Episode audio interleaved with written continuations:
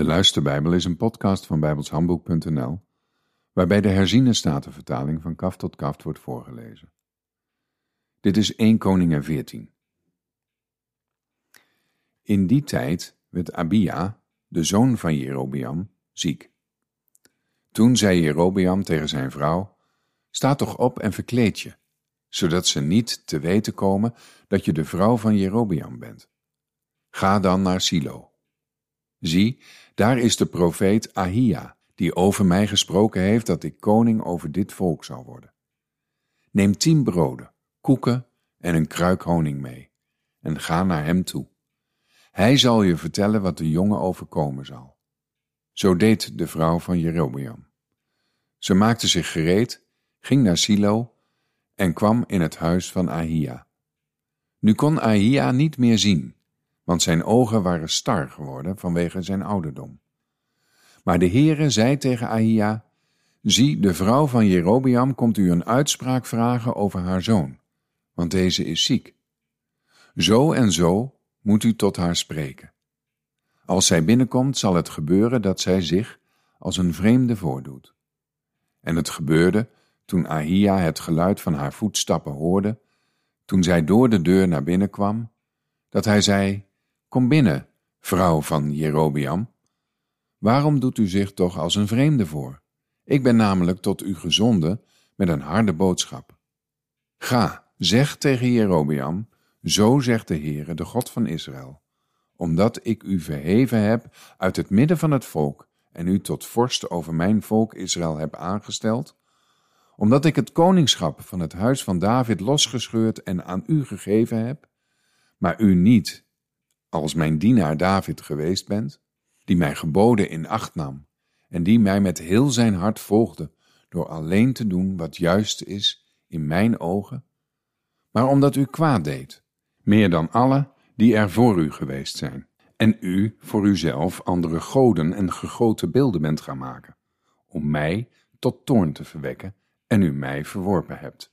Daarom zie, ik ga het kwaad over het huis van Jerobeam brengen, en ik zal van Jerobeam alle mannen in Israël uitroeien, zowel de gebondenen als de vrije. En ik zal de nakomelingen van het huis van Jerobeam wegvegen, zoals uitwerpselen worden weggeveegd totdat het helemaal vergaan is. Wie van Jerobeam in de stad sterft, die zullen de honden opeten. En wie in het veld sterft, die zullen de vogels in de lucht opeten. Want de Heere heeft het gesproken. En u? Sta op, ga naar huis. Wanneer uw voeten de stad binnenkomen, zal het kind sterven. Heel Israël zal rouw over hem bedrijven en hem begraven, want hij zal als enige van Jerobeam in het graf komen, omdat in hem wat goeds voor de Heere, de God van Israël, in het huis van Jerobeam gevonden is. De Heere zal echter voor zichzelf een koning over Israël doen opstaan, die nog op diezelfde dag het huis van Jerobeam zal uitroeien. En wat daarna? De Heere zal Israël treffen, zoals het riet in het water heen en weer zwiept, en hij zal Israël wegrukken uit dit goede land, dat hij hun vaderen heeft gegeven, en hij zal hen verstrooien aan de overzijde van de rivier de Eufraat, omdat zij hun gewijde palen maakten om de Heere tot toorn te verwekken. Hij zal Israël overgeven vanwege de zonde van Jerobiam, die gezondigd heeft en die Israël deed zondigen. Toen stond de vrouw van Jerobiam op, ging op weg en kwam te Tirza. Toen zij over de drempel van het huis kwam, stierf de jongen. Ze begroeven hem, en heel Israël bedreef rouw over hem, overeenkomstig het woord van de Heere dat hij gesproken had door de dienst van zijn dienaar, de profeet Ahia. Het overige nu van de geschiedenis van Jerobeam, hoe hij oorlog voerde en hoe hij regeerde, zie, dat is beschreven in het boek van de kronieken van de koningen van Israël.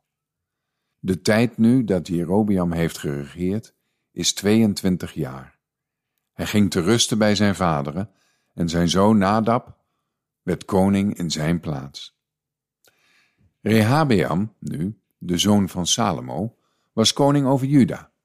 Rehabeam was 41 jaar oud toen hij koning werd. Hij regeerde zeventien jaar in Jeruzalem, de stad die de Heere uit alle stammen van Israël had verkozen om zijn naam daar te vestigen. De naam van zijn moeder was Naama, de Ammonitische. Juda deed wat slecht was in de ogen van de Heere, en zij verwekte hem tot naijver, meer dan alle vaderen gedaan hadden, met de zonde die zij begingen. Want ook zij bouwden voor zichzelf offerhoogten, gewijde stenen en gewijde palen, op elke hoge heuvel en onder elke bladrijke boom. Ook waren er schandknapen in het land. Zij deden overeenkomstig alle gruweldaden van de heidevolken die de Heere van voor de ogen van de Israëlieten verdreven had. Nu gebeurde het in het vijfde jaar van koning Rehabeam dat Sisak, de koning van Egypte, optrok tegen Jeruzalem. Hij nam de schatten van het huis van de Heere en de schatten van het huis van de koning weg. Ja, hij nam alles weg. Hij nam ook alle gouden schilden weg, die Salomo gemaakt had. In plaats daarvan maakte koning Rehabeam bronzen schilden en stelde die onder de verantwoordelijkheid van de hoofden van de lijfwachten, die de ingang van het huis van de koning bewaakten. En het gebeurde, zo dikwijls als de koning naar het huis van de Heere ging, dat de lijfwachten ze droegen en ze daarna weer terugbrachten naar de wachtruimte voor de lijfwachten. Het overige nu van de geschiedenis van Rehabeam en al wat hij gedaan heeft, is dat niet beschreven in het boek van de kronieken van de koning van Juda. En er was oorlog tussen Rehabeam en Jerobeam, al hun dagen. En Rehabeam ging te rusten bij zijn vaderen en werd begraven bij zijn vaderen in de stad van David. En de naam van zijn moeder was Naama, de Ammonitische. En zijn zoon, Abiam, werd koning in zijn plaats. Tot zover.